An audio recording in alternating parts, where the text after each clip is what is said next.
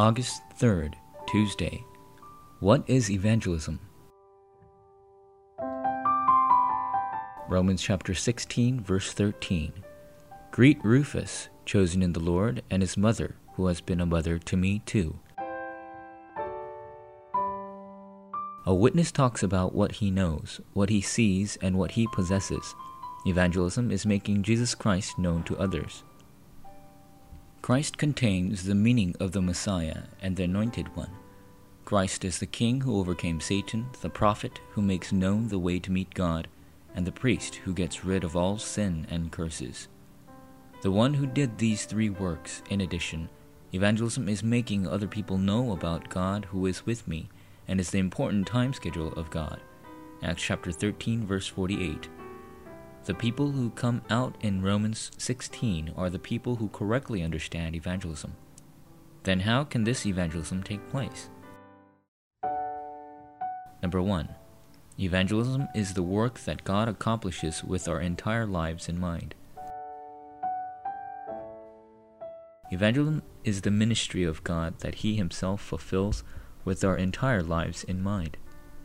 When the greatest general of the nation of Aram, Naaman, was dying, the words of a child who was serving the general changed his entire life. In this way, although evangelism seems like a very small work, it accomplishes great works. Number two, evangelism is the work God does with world history in mind. Who is Rufus in the scripture reading? He is the son of Simon, the person from Cyrene, who bore the cross in Jesus' stead. When Jesus was going up to Golgotha, carrying the cross, this person not only raised an individual like Rufus, but also held Paul. In this way, the walks of faith we are living and the prayers we pray for evangelism may appear to be very small, but are not so. Evangelism is not just the work by which God moves an entire life, but the work by which He moves the entire world. Number three, evangelism is the act that fulfills the time schedule of eternity.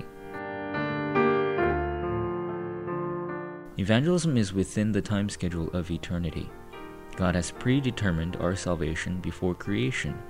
Ephesians chapter 1 verses 3 through 5. Evangelism has been hidden for long ages past. Romans chapter 16 verse 25.